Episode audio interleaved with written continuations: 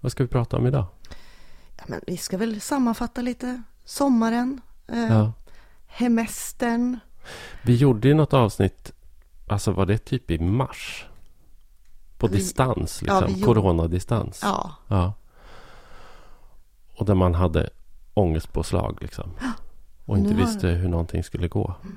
Det vet man ju i och för sig inte. Nu nej heller. men nu vet vi ju ändå hur det har gått hittills. Ja, jo. Ja. så, så vi ska prata lite om hur sommaren har varit för oss personligen, men även rent allmänt. Hur, Ja, hur corona har påverkat no- norrländskt perspektiv Mm. såklart. mm, Det tror jag blir bra. turismen. Mm. Och eh, distansarbete tänkte jag att vi kan prata om. Mm. För det tror jag liksom... Det, Det- ja, men där finns det en reell förändringspotential. Som har grej. gjort mig liksom faktiskt ändå ganska... Jag vet inte. Positivt inställd. Alltså, Ja, ja. jo men det kan känna att det finns en öppning i det. Liksom. Men det kan vi, det kan vi återkomma till. Mm. Eh, men, men som sagt, kul att du tog dig hit. Ja, Ja, välkommen. tack.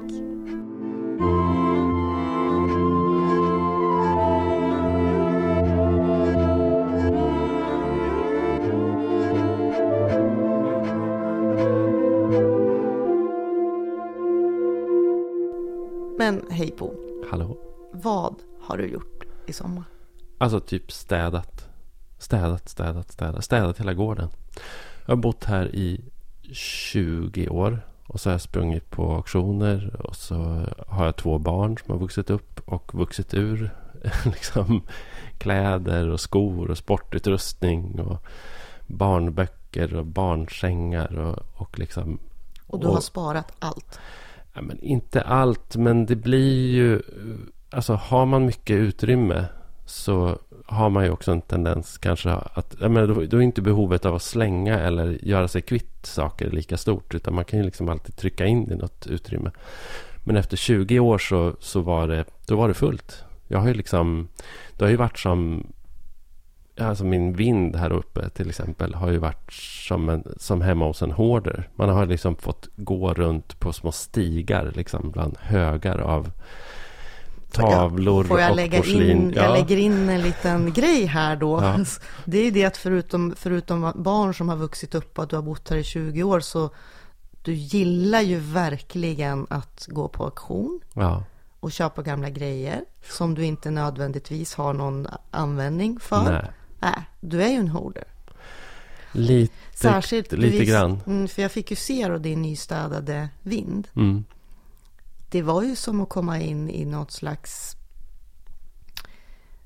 museum, ett galleri. Alltså det, ju, det hänger ju tavlor från golv till tak på väggarna Ja. i flera rum. Alltså det är en stor vind. ja. Va, vad är det här? Alltså jag har ju... Eh, jag tycker ju om eh, sån här... Liksom, jag tycker om naiv konst och folklig konst. Eh, och jag tycker om sån här... Alltså, det, det, jag tycker en sån fin term som de har i USA och England. Eh, unintentional art.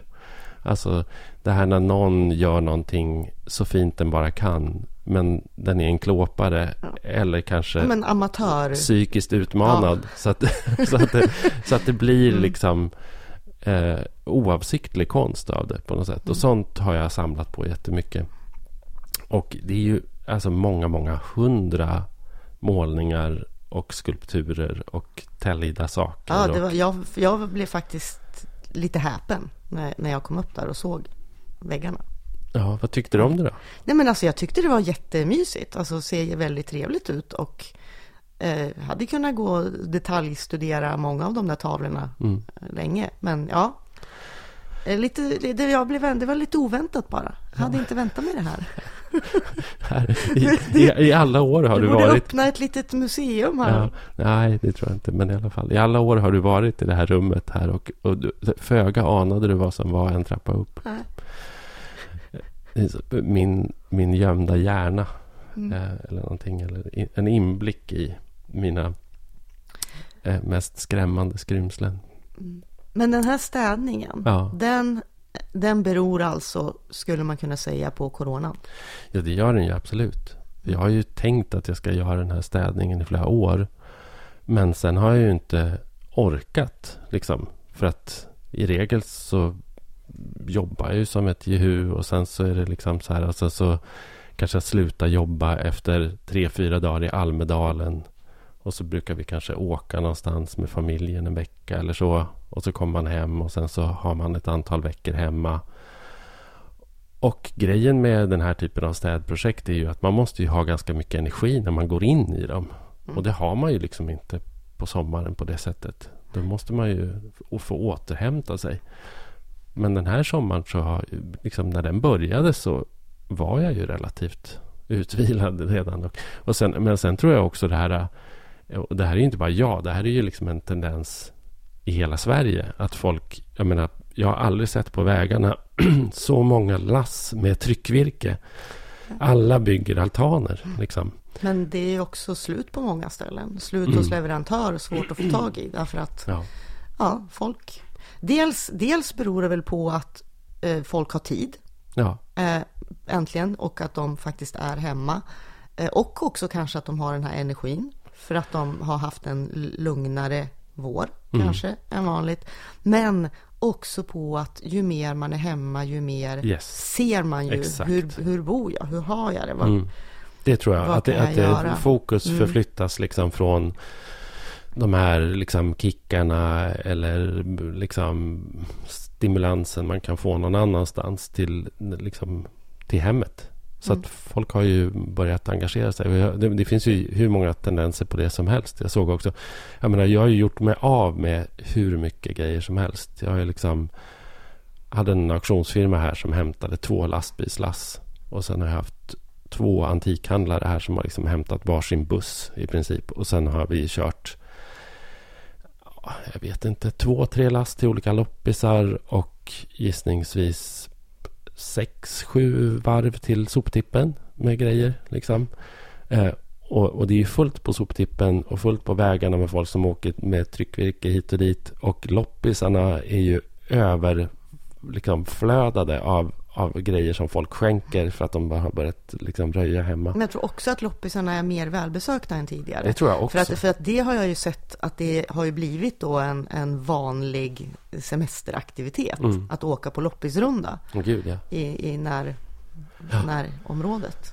Ja, och folk börjar upptäcka sina närområden på helt andra sätt också. Och åka på mm. liksom. Och jag menar, jag menar att snacka om liksom, påverkan på på Norrland, både på, mm. på gott och ont. Liksom. Men menar, hur många i sina sociala medier-flöden har man inte sett den här sommaren som helt plötsligt liksom lägger upp bilder från olika avkrokar i, mm. i liksom Norrlands inland som de besöker helt plötsligt. Oj, det här var ju fantastiskt. Liksom. Ja. Ja, och det är ju alltså folk från södra Sverige ja. som när de inte kan åka utomlands eller det är krångligt mm. och svårt så åker de plötsligt till mm. Norrland och verkar, som du säger, helt chockade över Åh, var det så här fint? Eller var det här fanns. Oj, ja. Så det verkar ju, Höga Kusten tror jag är verkligen... Höga Kusten har ju slagit alla, och Höga Kusten ska jag säga, har ju gått bra flera år i rad. Oh ja. Har man ju verkligen ja. ökat, men i år har det ju, alltså det har ju varit köbildning i till exempel vid Skuleberget. Ja. Eh, alltså, och det är ju inte kul. Och, nej, otroligt och, trångt. Det har ja, varit. Och mm. uppåt fjällvärlden så har det ju också varit problematiskt med alla som ska stanna och ta selfies med renkalvar som sen har blivit stressade och drunknat i älven. Och så här. Det har ju varit liksom mindre trevliga konsekvenser av det också. Och att de också har tvingats, alltså i vanliga fall är det ju på, på alltså vandringslederna så kommer man till en stuga och så kan man övernatta. Nu har mm. man ju varit tvungen att, att planera och boka i förväg. Ja, eh. Det är ju inte, ja. det är inte, har inte till vanligheten Nej. att det är så mycket folk.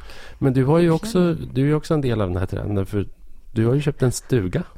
Ja, ett litet torp. Ja, um, ja och det är ju också... Ja, det är ju coronan. Mm. Um, och det var ju på i våras. Och det är inte bara jag. Jag har köpt den tillsammans med mina barn. Mm. Um, vi snubblade över den av en slump och gjorde ett spontanköp för att den var så fruktansvärt billig. Mm. Alltså den kostade väldigt lite pengar. Man kunde chansa liksom. Ja, och, och så har vi ju haft det som vårt projekt under våren och sommaren. Så får vi börja på våren, åkte dit på helger och ibland på kvällar efter jobbet. och har ju också städat. Ja. alltså vi har städat inomhus och utomhus. Eh, jag har för första gången i mitt liv så här gått med röjsåg. Eh, jag har vält träd med mina bara händer. Jag, jag har eldat, jag vet inte hur mycket, alltså eldat upp gammal skit. Alltså vi har slitit ner ja, men, slitit ner masonitväggar och slaktat gamla möbler som har varit halvruttna. Och, eh, är det fint nu då? Ja, det börjar det... ta sig. Absolut. Det luktar ju ofta ganska tråkigt i sådana där gamla hus. Ja, nu har jag inte känt det. Alltså det, det gjorde det ju från början. Mm. Sen har vi ju målat om inuti. Ja.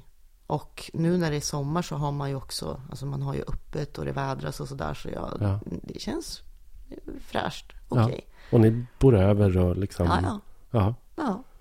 Och har en stor härlig tomt med potential mm. för att börja odla. Ja. Börja så smått i år, men var lite sent ute där. Mm. Men, ja, men det, det är skönt att ha liksom dels, dels att vi har haft ett projekt och jag tänker också att vi har haft det här liksom gemensamma projektet. Mm. Jag och barnen har ju varit lite, alltså det skulle vi inte ha haft utan corona, men sådär. Mm. Um, och att någonstans att jobba med kroppen. Ja. Har varit väldigt, väldigt skönt tycker jag för mig. Jag ja. har, liksom inte har du aldrig det. gjort det? Men jag har liksom inte haft något sånt ställe som har varit liksom mitt där jag har varit mer eller mindre tvungen. Ja, men du har Sådär. inte haft någon fas tidigare i livet där du liksom har haft stuga och hållit nej. på liksom? Nej, nej, du aldrig, aldrig. Nej. Och inte när du var barn heller? Alltså, när jag var barn så levde, alltså då växte jag ju upp kring diverse gårdar och bondgårdar och sådär. Men mm. då var inte jag, jag, jag sprang omkring och lekte liksom. Ja. Men du har ju ändå drömt om det här och pratat om det här länge. Men att du har liksom tänkt att det skulle kanske vara uppåt liksom Junsele-trakten sådär eller? Ja, det är ju inte riktigt Junsele men motsvarande kan man mm. säga. Ja. Lite närmare Sundsvall. Ja. Mm. Mm. Ja, det är fint. Mm. Det är en bra grej. Jag har ju en fäbod också där jag också håller på. Mm. uppe på skogen. Eh, där har jag inte kommit riktigt lika långt än. Men, men eh, det, det blir nog fason på det. Jag, skulle liksom, jag känner att jag skulle behöva semester i x antal veckor till för att liksom hinna med den här bisarra listan som jag har skrivit över saker som jag, som jag skulle vilja göra nu när jag ändå liksom är igång. Men kan, kan man inte lyckas klämma in sånt ändå då när det är corona och man kanske jobbar på ett annat sätt? Jo, möjligt. Eller? Jag kan tycka att det är lite svårt att kombinera ändå. Eh, och det, det, där är väl liksom en, en, en liten grann en utmaning med, med att jobba hemma. På något sätt. Att, att det, är, det är lätt att... Ja, men om man ska sköta sitt vanliga liksom, journalistarbete hemifrån så kan man liksom inte distrahera sig allt för mycket med andra grejer kan jag känna. Liksom, utan man måste välja lite grann. Sådär. Men... Har du någon schysst arbetsrutin så för att jobba hemma? Ja, det tycker jag nog att jag har. Eh, ja, alltså jag är en person som skjuter upp saker. Skjuter upp deadlines och liksom sitter, sitter till klockan fyra natten innan lämning och sådana saker. Det, det har jag, så har jag ju liksom alltid jobbat. Jag vet inte riktigt varför det blir så, men det är lite tråkigt. Men, men annars så är jag väl hyfsat disciplinerad ändå. Att jag liksom, men det, är inte som att jag... En sak som jag har slutat med det är ju att gå ut och sätta mig på mitt arbetsrum om jag inte har någonting konkret där att göra. Har du gjort det förut? Ja, men det tycker jag nog. Eh, och det där är ju en... Jag, jag intervjuade Eva Dahlgren för, för DN här veckan. Eh, och eh, hon har en arbetslokal som hon går till varje morgon klockan åtta. Och är där till klockan fem. Och liksom sitter där och väntar på att låtarna ska komma till henne. Ja, och ibland blir hon frustrerad och då tar hon en promenad runt Söder liksom, och kommer mm. tillbaka. Och så kanske det har hänt någonting. Men det där tycker jag verkar otroligt plågsamt. Faktiskt. Det skulle, det, skulle jag, det skulle jag nog bara lida av, tror jag. Därför att det är så många gånger som det inte händer. Eh, och då sitter man där på något sätt. Sen, jag menar, sen består ju arbetet till väldigt stor del också av, jag menar, det vet ju, liksom det är ju videomöten och mejl och, och, och, administration och logistik. I, I, perioder har jag ju upplevt att mitt arbete till liksom 90 procent består av olika resebokningar. Liksom. Mm. Men så är det ju inte nu heller, för att jag reser ju inte längre. Eh, eller nästan minimalt. Jag har ju gjort några jobb där jag faktiskt ändå har fått få ut och röra på mig.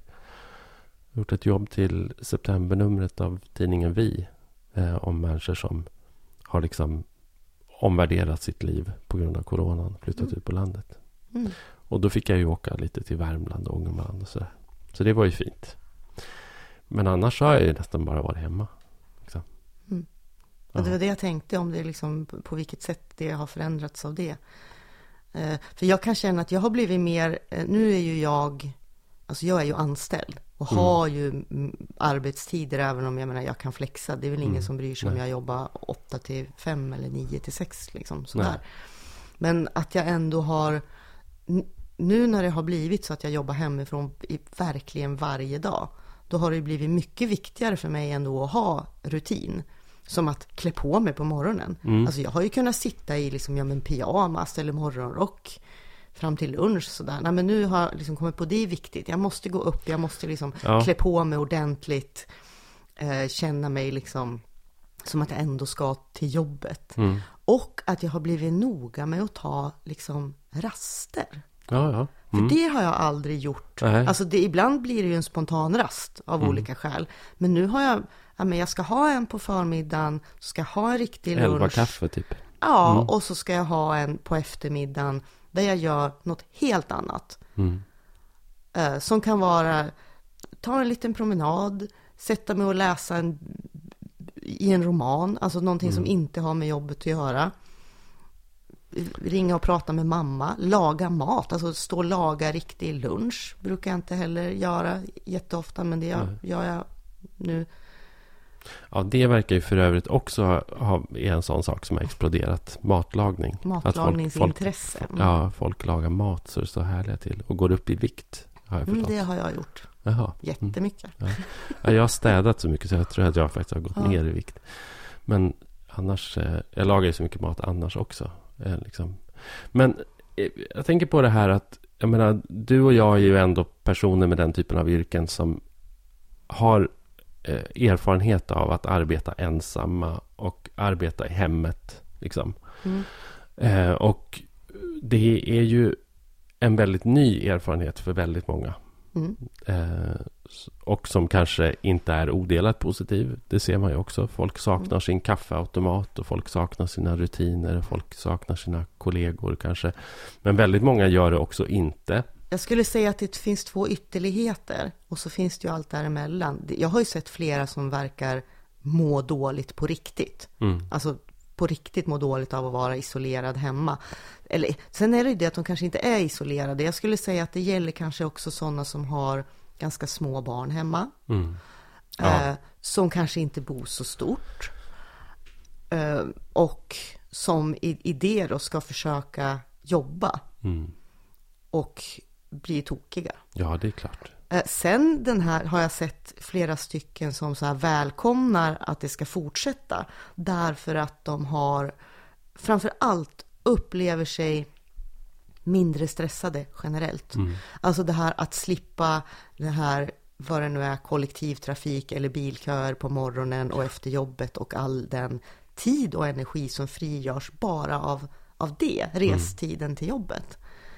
Och det, den upptäckten, alltså jag tror det är väldigt svårt för många att tänka sig att de plötsligt ska lägga en, en och en halv timme om dagen på jobbpendling. Ja, och det verkar ju också rätt överflödigt att ägna sig åt det när man, när man kan slippa. Eh, det har inte kommit så himla mycket analyser och forskning utifrån ett svenskt perspektiv. Det mesta som jag har läst har varit amerikanskt. Eh, och där verkar de också liksom eh, på något sätt leda utvecklingen lite grann kring det här. Men om man tänker på, jag menar, det var lite roligt. Jag stötte på i våras det var faktiskt... Det finns ett... Eh, det kan jag tipsa om. Det finns ett Twitterkonto som eh, jag tror eh, kanske automatgenererar eller också är det någon som sitter och gör det. Men som tipsar om en statlig SOU om dagen. Okej, det är för oss, som, för, för, oss verkligt mm. perversa. Mm. Men då som av en händelse så, så tipsade eh, det här kontot om eh, den statliga distansarbetesutredningen. Mm. Som gjordes 1998. Det är ju länge sedan. Eh, det vill säga 22 år sedan. Och det här är ju superspännande och det här är ju någonting också som vi har varit inne på tidigare pratat om. För det är ju något av ett mysterium att distansarbete inte har slagit igenom de här senaste då 22 år sedan. 22 år sedan, sedan den här utredningen gjordes. Eh, trots att den tekniska utvecklingen då egentligen har möjliggjort det mer och mer för varje år som har gått.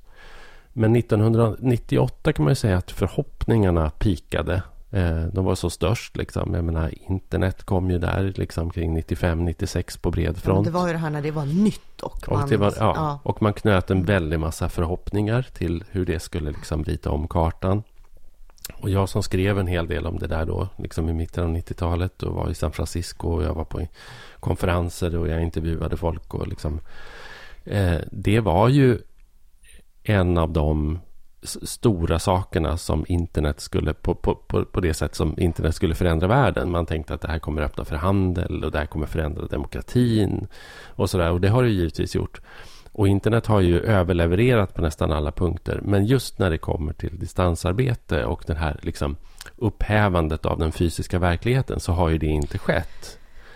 Eh, men, men det är ju så. Den här digitala utvecklingen som vi har väntat på Mm. Alltså, eller vi, men många har vänt, ja. när ska det hända, när ska det lossna? Men, men det har ju funnits också något väldigt starkt motstånd mot det. Och ja. det har ju varit allt ifrån liksom, chefer som vill ko kontrollera sina anställda och därför måste de sitta på kontor. Alltså den typen av argument till de här psykologiska argumenten om hur viktigt det är att ha arbetskamrater och ha någonstans att gå. Ja. Och, och för vissa är det ju det. Mm. Eh, på. Ja, ja, visst. Och det ska man ju inte, men, det ska man inte förringa på något sätt. Men, den men ja. om, jag tänkte bara säga om vi kopplar det till, till det vi har pratat om i våran podd ja. många gånger. Eh, att ja, men folk bo, kan ju flytta till landsbygden. Folk mm. kan ju bo i Norrland eh, och jobba på distans. Varför är det inte fler? Vi har ju ställt oss den frågan ja. så många gånger. Men nu händer ju det. Därför att nu är det ju alltså huspriserna går upp det har, eh, jag, bara häromdagen så kom det, var det mäklare i Höga Kusten som sa att mm. de har aldrig haft så mycket folk på Nej. husvisningar någonsin. För nu, ja, folk går hemma, omvärderar, alltså inte bara sitt boende utan kanske hela sina liv. Och inser att, ja, men om jag kan jobba hemifrån då kan jag ju lika gärna köpa ett hus i, i Kramfors. Mm. Jag tänker eh, att, ja, jag det här reportaget i Vi, då pratade jag med Charlotta Melander. Du vet, hon är ju professor i nationalekonomi mm, mm. i Jönköping. Vi har nämnt henne många gånger också. Mm. Eh, och hon är ju så här, hon har ju varit liksom Richard Floridas parhäst i Sverige och åkt till Kanada i flera år och jobbat med honom. Och också liksom eh, framfört hans idéer om liksom den kreativa klassen och städerna och, och sådär. Eh, och hon trodde väl liksom inte att det, att det här skulle hända. Och jag är på, på, ett, på ett strukturellt plan är jag böjd att hålla med henne. Därför att jag tror inte... Alltså ekonomin har inte förändrats. Eh, förutsättningarna för, för ekonomin och för lönsamhet. Agglomerationsekonomin är fortfarande ett faktum. så att säga. Man, men det finns fortfarande så pass mycket att tjäna på att befinna sig i centrum, både för företagen och individerna. Så att eh, liksom städerna kommer fortfarande vara motorer. Städerna kommer fortfarande vara attraktiva. Men jag tror att om vi tittar liksom på det individuella planet så tror jag att ja, väldigt många fler tänker på det och väldigt många fler kommer kanske i bästa fall ha möjlighet att göra det. Men sen finns, alltså vi har ju också det, det, hur det ser ut rent realistiskt. Alltså jag menar inte heller att nu kommer alla stockholmare att flytta norrut så här, men och det finns ju inte heller obegränsat med hus på landet. Nej, nej. Eh, det, alltså även om vi pratar mycket om att ja, det finns många ödehus och tomma hus mm. och, och så där så det, det, finns ju inte hur många som helst. Eh, och det är fortfarande ett faktum, tror jag, att det är svårt att få lån för att bygga nytt i inlandet. Exakt, det går ju inte. Och, exakt, och det, men det, det, det är ju en del av den ekonomiska... Också, där kanske det också kan ske en liten förändring. Om huspriserna går upp och värdena på fastigheter stiger så är det klart att då närmar man sig gradvis den punkt då ett nybyggt hus när det är färdigt faktiskt är värt det som det kostade att mm. bygga. Och då blir det ju också mera möjlighet att finansiera det. Men, men det är inte heller bara alltså, distansarbete utan det jag tänker på är, ja men nu kommer ju Amazon kommer ja, till Sverige. Ja. Mm. Och att många människor som inte tidigare har liksom shoppat så mycket på nätet, som kanske aldrig har beställt hem en matkasse eller någonting mm. och sådana saker, som har börjat göra det. Eller att en väldig massa gymnasieskolor och universitet helt plötsligt så funkar det. Med distansundervisning. Men, ja, inom områden där man inte har tyckt att det har gått bra det, förut. Det är ju någonting som, som alla säger också att, att just inom utbildningsväsendet så har ju liksom digitaliseringen Alltså det har hänt mer eh, det här halvåret Eh, än på 20 år. Ja, eller 10 ja. år i alla fall. Men det är intressant med den här, jag kan tipsa om den om man har liksom nördintresse, men jag kan tipsa om den här utredningen från 1998, mm. för att det är intressant ändå att se. Alltså den, var ju, den ledde ju till och med fram till ett par skarpa lagförslag som handlade om eh, eh, skatteavdrag för arbete i hemmet till exempel. Och jag tror att det var någonting med arbetsrätten som stärktes eller något sånt där. Då var ju motståndet mot distansarbete eller decentralisering av arbetsmarknaden, det, det var ju framförallt från facket. Intressant nog då. Därför de såg ju att det här skulle kunna leda till, om man inte har, det här tycker jag också är en sån ironi eller stelbenthet liksom på något sätt. För att om man tänker på hur arbetsmarknaden har utvecklats, liksom bara så här, alltså jättekortfattat då, så, så var ju liksom om man, om man backar 200 år så var Sverige då superagrart. Alla bodde på landet. Sen kom industrialiseringen i mitten och slutet av 1800-talet. Och då började man först bygga liksom fabriker i anslutning till vattendrag och energikällor och råvarukällor. Och sen så eh, befriade man sig från dem i, i takt med att fossilekonomin utvecklades. Eh, men det var, fortfarande så att man byggde fabriker eh, och där fanns det maskiner och då ville man ha arbetskraften i anslutning till fabrikerna och det drev ju urbaniseringen. Och sen så har ju då arbetsmarknaden förändrats väldigt mycket, inte minst i Sverige på grund av liksom vår utveckling. Och då har vi istället liksom först kontoriserat hela arbetsmarknaden och det har blivit mindre jobb i tillverkningsindustri och råvaruindustri. Men arbetsmarknaden har fortfarande varit modellerad på liksom den här på, på, hur man strukturerade arbetsmarknaden under industrialismen. Det vill säga att människor ska fortfarande vara samlade på en och samma plats. Och det där har ju då stärkt, kan man säga, både eh, både arbetstagarens och arbetsgivarens ställning på något sätt. Det har ju, varit, det, har ju nästan varit som en, som en del av, den här, av Saltsjöbadsandan på något sätt. Att nu samlas vi eh, liksom 600 personer i en fabrik och sen så slåss facket och arbetsgivaren om makten eh, liksom, eh, på, på den här fysiskt avgränsade platsen. Och facket där på 90-talet var väl livrädda för vad, vad händer om, om, om de här 600 personerna istället är utspridda i en stad eh, och sitter hemma och, och, gör det här arbetet. Liksom. Hur, hur, hur, hur, vad kommer då hända med vår maktbas? Och nu tror jag att det här fackliga motståndet inbillar jag mig är relativt litet och det handlar ju också om att facken är så försvagade idag så att det liksom var den här eh, så, så den ja, man kan väl säga att arbetsgivarna har ju också vunnit den här kampen lite grann. Men, men ironin är ju ändå liksom att, som man inte kommer ifrån, liksom att under de här senaste 20 åren när det har blivit lättare och lättare att arbeta hemifrån eller, eller, eller att decentralisera arbetsmarknaden så har ju det motsatta skett. Och då kommer ju de här uppgifterna från USA in som är så himla intressanta. Där man kan se att de här stora techbolagen som de senaste då liksom 10, 15, 20, år sedan, eh, 20 åren har eh, investerat enormt mycket i infrastruktur och i fastigheter mm. och i prestigefastigheter på prestigeadresser. I San Francisco? Ja, San Francisco eller New York eller mm. Seattle eller var det nu är någonstans. Liksom. Nu helt plötsligt säger till sina anställda att när det här är över så behöver ni inte komma hit längre. Ni kan jobba varifrån ni vill. Bo vart sjutton ni vill eh, och ni kan jobba. Och det är ju en enorm eh, förändring.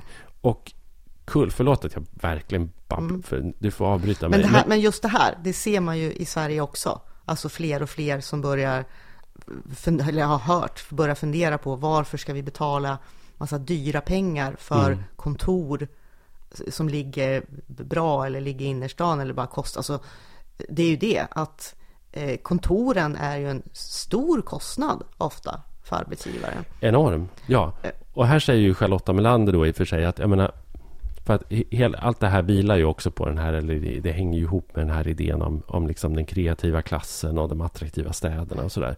Och det där har ju varit liksom att ja, men, eh, techföretaget A har velat befinna sig på den här adressen.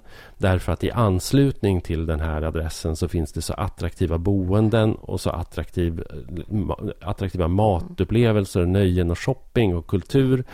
Så att för att få den här arbetskraften så måste man befinna sig på den här platsen. Och det säger hon att det kommer inte förändras därför att den här kreativa klassen kommer fortfarande att vilja ha den här, den här valfriheten. Då. Men, men, men menar hon då att det fortfarande kommer att vara så att den här eh, attraktiva platsen kommer att innehålla några hundra skrivbord där folk ska tvingas sitta?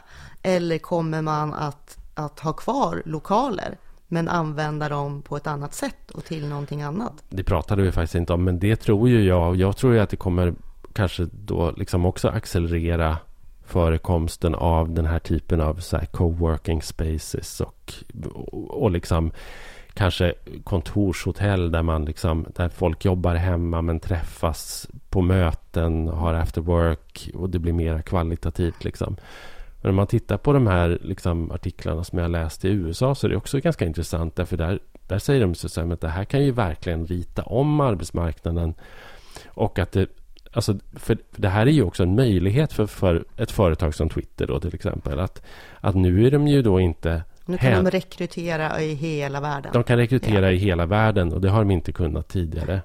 Eh, så, så, att, så det är ju bra. Och sen så kan man ju också Det gäller flytta... ju även många svenska företag ja. som, som kan ha haft svårt att, att hitta rätt arbetskraft. Ja, och det är klart att mm. säger man också upp ett kontor på Manhattan som kostar 20 miljoner dollar i månaden så kan man, så kan man flytta de pengarna till humankapital istället. Mm. Eh, vilket ju då tyvärr, och det, må, det, måste man väl säga, att, att hela 1900-talet har varit ett bevis på att varje gång liksom ett tekniksprång har skapat ett mervärde eller ekonomiska marginaler så har ju alltid företagen och arbetsgivarna tagit hand om dem. Det har ju inte blivit som att arbetstagarna har fått mera pengar. Men man kan nog tänka sig att arbetstagarna blir fler eh, på Twitter. Eh, om man då liksom tänker sig att man kan spara 20 miljoner dollar i månaden på ett kontor. Men, men här har vi också den här besparingen i när människor slipper den här stressen som det ändå är för många, inte alla. Men eh, jobbpendlingen, sitta på arbetsplatsen, också det här, alltså alla öppna kontorslandskap som stressar folk och gör, gör dem mindre effektiva och så. Mm. Att att man kommer att få eh, friskare arbetskraft om de får styra mer. Och det handlar inte heller bara om att sitta hemma. Vissa kanske vill sitta på ett café, vissa vill gå till kontoret. Mm. Eh, alltså man, man, kan göra hur man vill, men att de, den arbetstagare som då får större möjligheter att påverka sin egen arbetssituation också kommer att hålla sig friskare och orka lite mer. Eh, och och på så sätt bli en vinst ja. Eh, för, för företaget. Det tror jag absolut. Men Sen, ja, jag, jag så... måste få slänga ja, in den här grejen nu innan jag tappar bort det. Det här känns ju ändå så otroligt medelklassigt att stå och prata om. Mm. Eh, Ja men alltså för det är ju ändå, ja visst arbetsmarknaden är förändrad är och det är många som jobbar på mm. kontor. Mm. Men hur, om nu, om nu säger vi, kontorsarbetare av olika slag i olika branscher. Mm. från och med nu i högre utsträckning kan jobba hemifrån. Det är också en sån här, det kan ju vara en besparing för folk eh, att alltså, slippa kostnaden för att ta sig till och från jobbet. Du får mm. inte avdrag för hela den liksom. Eh, och besparing i tiden och komma och må bättre och orka, ha lite mer fritid och sådär. Hur, hur påverkar det liksom klassförhållandena? Alltså jämfört med då undersköterskor, busschaufförer, alltså alla människor mm. som, som är centrala för att upprätthålla mm. grundläggande samhällsfunktioner och som inte har och inte heller kommer att ha någon möjlighet att styra på det sättet. Det är liksom skillnaderna mellan de här grupperna ser jag en risk att de kommer att öka ännu mer ja, i, i, i livskvalitet mått mätt. Ja, visst. Så är det ju såklart. Ja, det är... Verkligen. Och det ser man väl också som en konsekvens av digitaliseringen på olika håll. Liksom till exempel, jag menar, kulturen till exempel. När kulturen digitaliseras och liksom man måste söka upp den själv kanske. Så, så istället för att den är uppsökande eller finns i samhället. Ja, då är det många grupper som inte hittar den. I skolans värld är det ju också helt uppenbart. Så att, att det liksom studiemotiverade eh, elever med ordnade hem eh, och en bra hemdator liksom, och, en, och, en skön kontorsstol har ju såklart gynnats av, av eh, liksom, eller inte gynnats, men, men kanske klarat den här perioden liksom, eller för, för gymnasieeleverna under våren klarat studierna mycket lättare än de som har liksom ett superrörigt hem eller inte mm. liksom mm. har studievana på samma tänk, sätt. Liksom. Tänk, alltså, tänk alla som inte ens har eget rum. Ja, ja. Det finns många Gud, ja. som inte har det. Som kanske ska dela med ett syskon som också ska plugga hemifrån.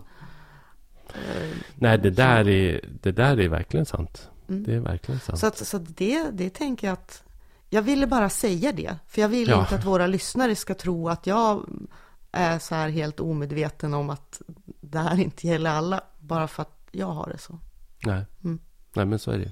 Och det gäller ju kanske också väldigt mycket i norra Sverige. Man, man, kan tänka sig att, för vi har ju en betydligt högre andel liksom, eh, arbetsplatser i, i råvaruindustri, skogsnäring, eh, tillverkningsindustri eh, och mm. olika typer av arbeten som kräver fysisk närvaro.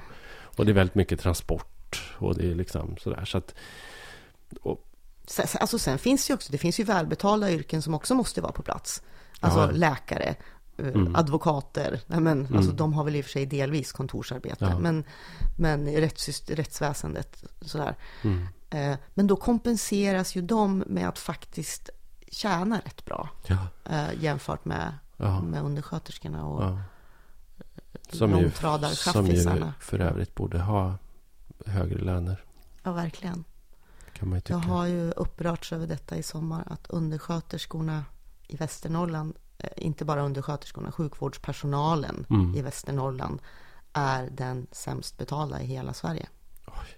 Vad beror det på då? Dålig ekonomi i ja, regionen? Ja, fast problemet är ju att, att vi har ju också den högsta användningen av stafettpersonal mm. och lägger ju ohemula ja. summor på stafettpersonal istället för att kanske, som jag har upprepat i ledartexter om och om mm. igen, eh, betala högre löner till anställda och förbättra arbetsvillkor, eget inflytande. Mm Eh, och arbetsmiljö så, så kommer ju behovet att minska av stafettpersonal.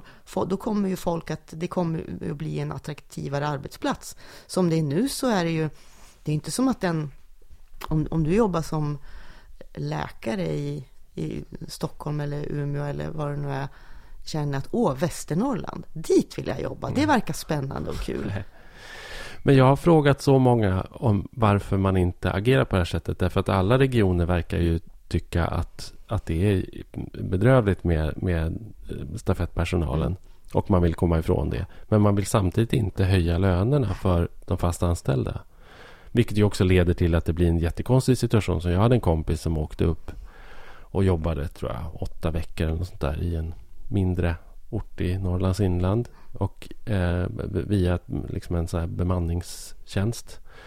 Eh, och tror jag tjänade 45 000 i månaden som sjuksköterska. Vilket ju är en bra lön, verkligen. Men gick då jämsides med fast anställd eh, personal som var bosatt på orten som tjänade 26 000 i månaden. Mm. Det blir ju ganska dålig stämning av det. Ja. Tycker jag. Ja. Alltså det, blir ganska, det blir ganska konstigt. Och då skulle man ju istället kunna tänka sig att om man så här, höjde lönerna generellt till 34 000 i månaden mm. så kanske man skulle kunna liksom få mer heltidsanställd personal. Inte, inte bara kanske. Men det vill man inte av olika skäl. Det, är något, det sitter fast där. Sen är det ju faktum så att, att eftersom det här ändå har varit en debatt och varit ett problem så är det ju många eh, regioner som ändå har jobbat målmedvetet med att få ner antalet och som lyckas också i, i högre eller lägre grad. Liksom, att, mm. att göra sig mindre beroende. Men, men, eh, men det är extra svårt då i, på vissa ställen. Ja. Ja, men det, det var bra att, att det här perspektivet kom in. Jag tänkte på det själv också, men det blir ju ofta så eh, att menar, även, om, även om vi har pratat om det och vi är medvetna personer så blir det som att man fastnar i det här med, med den potentiella inflyttningen. Liksom att, eh, mm. Den är alltid på något sätt eh, så mycket värd eh, i jämförelse med liksom, livskvaliteten för de redan bofasta mm. på något sätt. Ja, och det har vi också varit inne på. Hur ungdomar som väljer att stanna kvar känner att de inte uppskattas. Men däremot ja. om någon väljer att flytta tillbaka så blir de någon slags ortens mm. hjälte. Sådär. Det ja. är ju Nej, det är inte okej. Okay. Riktigt sorgligt ja. faktiskt. Men sen behöver vi ju de här, alltså vi behöver ju inflyttarna. Självklart, eh, och vi behöver ju att, att folk liksom... flyttar. Men, men det här tänkte jag också på, apropå digitaliseringen mm. och det här med universiteten. Det är också en bra grej för landsbygden. Mm. Alltså de här som, som in, alltså för att det är långt att flytta, för att det kanske blir ett stort steg eh, för att plugga. Mm. Och kanske inte vill det, men som nu ges möjlighet att faktiskt studera på distans fast man bor kvar på en liten ort i inlandet. Eh, och jag yes. hoppas att, att man lyckas, alltså det är kanske framförallt på, på gymnasieskolorna, att mm. liksom lyckas sprida den här informationen och uppmuntra gymnasieeleverna att du måste inte flytta till Uppsala. Liksom. Du kan bo Nej, kvar här precis. och gå och det den finns här kursen. Ett exempel, alltså, det finns ju en rad exempel runt om i landet med sådana här liksom, alltså, centrum för flexibla eh, för flexibelt mm. läranden eller liksom distansarbeteshubbar och sådana saker. Och var inte det dessutom ett av förslagen i jo, att landsbygdsutredningen? Det och, det har och att också... det ska bli mm. fler också. Mm. Men det, där tänker jag ju också att, att den här, liksom, det här språnget i, i digitaliseringen det, det, där kan det nog liksom ha lossnat en hel del. Det har ju också funnits ett enormt motstånd jättelänge till exempel. Och det har ju varit ett argument för nedläggning av byskolor runt om i Norrland till exempel. Att nej men vi kan inte få en lärare i franska eller, eller det är jättesvårt att hitta en mm. lärare i kemi eller så liksom. Men, och, och då har man ju liksom, många har liksom stångat sitt huvudblodet och sagt ja men vi kan ha den undervisningen på distans. Vi kan, vi kan ha en lärare som sitter någon, någon helt annanstans. Det är ju enligt lag. Ja, men, men orsak, är, orsaken till det är ju helt gåtfull. Ja, och det kommer ju att ändras nu. Ja. Det är ju, för det är ju, jag har väl pratat om honom förut, eh, eller ja, om Ådalsgymnasiet, Ådalsskolan i Kramfors. Mm. De har ju vid flera tillfällen genom åren brutit mot lagen också för att visa på det idiotiska i ja. den. Så att deras elever har kunnat få undervisning ja, men i språk, i hemspråk också, mm. som ju kan vara jättesvårt på, på ja, landsbygden och sådär. Och det är ett lagbrott, men det blir ju också så uppenbart hur, hur fel lagen är. Mm. Och där har de ju också fått det att fungera. Eh, och har ju även fått eh, distansundervisningen har ju fungerat väldigt bra just där för att de har varit förberedda och hade redan rutiner mm. ja. för, för att jobba på det sättet. Ja. Mm. ja, men ljust och fint, eller hur? Eller, alltså, ja. här, men, jag, men jag har nog faktiskt ändå känt jag har känt mig betydligt mer liksom, positivt inställd till framtiden. Men sen, sen, är, sen är det såklart att det här gräver ju hål i, i både statskassan och, och i kommunkassor och regionkassor såklart. Liksom hela den här krisen. Och vi har liksom en sänkning av BNP. Och, men det kan vi ta liksom, nästa här, Ja, precis. Men, men överlag så tycker jag att, att, det är, att det är bra. Jag skulle fråga dig förresten. Är det många som har hört av sig till dig med, med liksom tips på platser att besöka i Norrland? eh, som har hört av sig till mig. Ja. Nej, jag tror folk tror att, alltså som vill ha tips Ja, menar du? ja, Ja, jo, ja. det är det. Ja. Jag har skrivit många, många långa meddelanden i Messenger om åk hit och åk dit och här ska du stanna och käka och Ja. fr- framför allt Simon, eh, jag har känt mig som värsta kust- reseguiden. Ja, kust, kustvägen upp till Sundsvall och så Höga Kusten i Mm. allmänhet och ja, även lite Det är du som har skickat alla till Höga Kusten. Så. Nej, men det är folk som har, alltså det är folk som har sagt att vi tänkte åka ungefär hit. Mm. Och de hör väl kanske av sig till mig för de vet att jag bor nästan i Höga Mm. Kusten. Liksom. Jag, Ja. Det är ju ändå mitt, det är ändå mitt län, det är Mm. mitt område. Jag jobbar ju i Höga Kusten. Ja. Jag har ju ironiskt nog eh, aldrig rest så lite i Norrland som under den här perioden. Eh, jag, gör ju, jag gör ju det jobbet annars, men nu har jag liksom inte gjort det. Så jag har ju som typ inte åkt omkring nästan någonting. Låt mig säga så här, det här är första gången eh, sen coronan bröt ut som jag är utanför Västernorrland. Är det sant? Mm. Vågat. Men det är i alla fall inom två mils eller två timmars gränsen att åka Ja, hit. jo. Så att, Och den gäller ju inte heller längre. nej, nej, just det. Men ändå. Men om man, man tänker sig. Ja, så du tar med dig smittan över länsgränsen. Mm. Men, men jag tycker att det där har varit roligt. Jag har också tipsat eh, en rad personer som har hört av sig. Nu ska vi åka, nu ska vi åka på bilsemester i Norrland. Va- va- Vad ska vi se? Liksom. Det är inte alltid så himla lätt tycker jag. Liksom. Men jag har skickat, jag tror jag skickat tre olika sällskap till, till Malmberget. Det har varit lyckat. Eh, så här, folk som tänker att nu ska vi åka till Kiruna och titta på stadsomvandlingen. Och där har jag sagt, nej men skippa det. Åk Mm. till Malmberget istället. Och så har de gjort det och hört av sig och varit helt chockade liksom, att det finns en sån här plats i Sverige med en sån här otroligt genomgripande samhällsförändring som inte är rapporterad nästan. Mm. Så det, är ju, det, det har ju varit roligt tycker jag. Sen har jag ju sett folk som bara är chockade över hur ljust det är på kvällen. Ja. Eller, ja. men det är fint. Alltså, nu låter det nästan lite spefullt här. Det är bara det att det kan kännas lite så här, ja men hallå, vi har ju försökt att sälja in det här i så Mm. många år. Eller i hela mitt liv har jag försökt att sälja in det och folk har bara "Ö, Norrland, Ja. ö", alltså varit ganska hånfulla om det. Och nu när, när de upptäcker det så, wow. Ja. Det det är dubbelt på något sätt, min, min känsla för det. Ja, det är dubbelt för mig också därför att jag har ju också älskat Norrland så mycket just därför att man får vara i fred. Liksom. Ja, ja men men det, är kommer, sant. alltså, det Mm. kommer man ju för sig väldigt snart. Alltså, jag menar, nu slutar ju semestertiden. Liksom, Mm. och, och jag menar, tar man en sväng i oktober så kommer det garanterat vara vä- väldigt tomt igen. Liksom. Men, men eh, det är klart att det är lite... Det tycker jag gör lite ont på något sätt att, att läsa om hur fullt det har varit överallt. Liksom, Ja, att det är så Också här, allt som kommer med det i form av neds, nedskräpning och Mm, eh, ja, kanske inte alla är så aktsamma om naturen när de Nej. rör sig och så. Det är ju såklart tråkigt. mm, Ehm, ja. Men ändå tycker jag det är fint. Om jag ska summera så tycker jag det är bra att folk upptäcker. ja, ja. Oh ja, visst. Så är det ju verkligen. Det är härligt. Hade du något... Eh, jag tänker vi kan runda av. Mm, Har du något kulturtips? det har jag. Mm. Ett Eh, hejdundrande. Ja, och det, är- det, det är ju alltså Sveriges Radio, P1, Mm. eller appen, Mm. radioföljetongen. Rolf Lassgård läser Kerstin Ekmans Händelser vid vatten. Mm.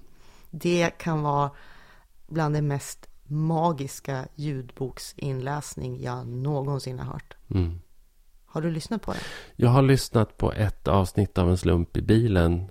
Eh, jag är kompis med eh, Rolf Lassgård på sociala medier. Han skrev i våras sådär ö- helt överlycklig. Jag tror att han kanske hade fått inställda filmjobb och, och sådär liksom.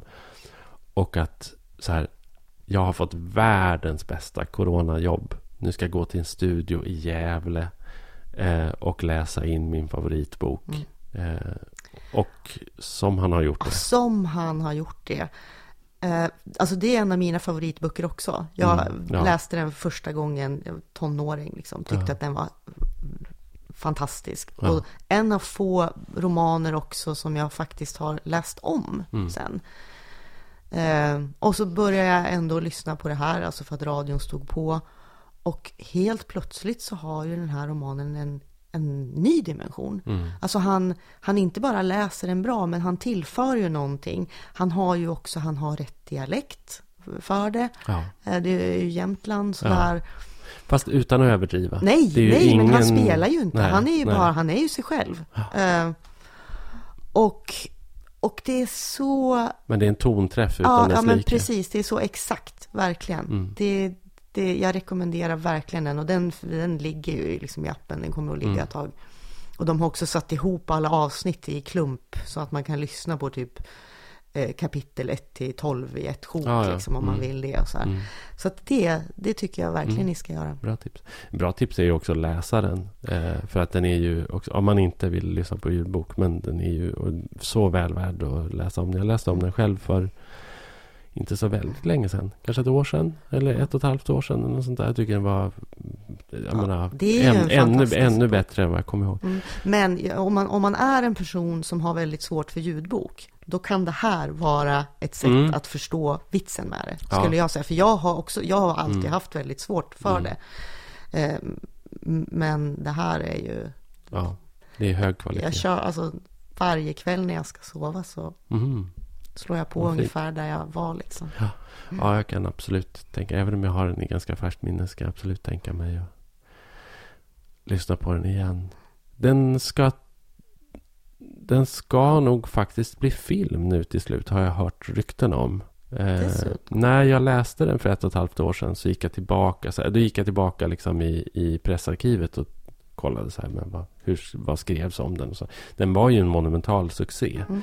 Och det var ju någon som då köpte filmrättigheterna och som liksom förberedde. Det var mm. manusarbete och casting och sådär. Och sen så vart det ingenting. Men nu tror jag att filmrättigheterna eh, liksom har vandrat vidare och att någon är på gång att utveckla den igen. Tror jag. Hoppas det är någon bra, för det, jag ja. kan verkligen, det skulle kunna bli en otroligt bra film också. Med rätt, ja. rätt personer. Ja. Mm, precis, det är bra.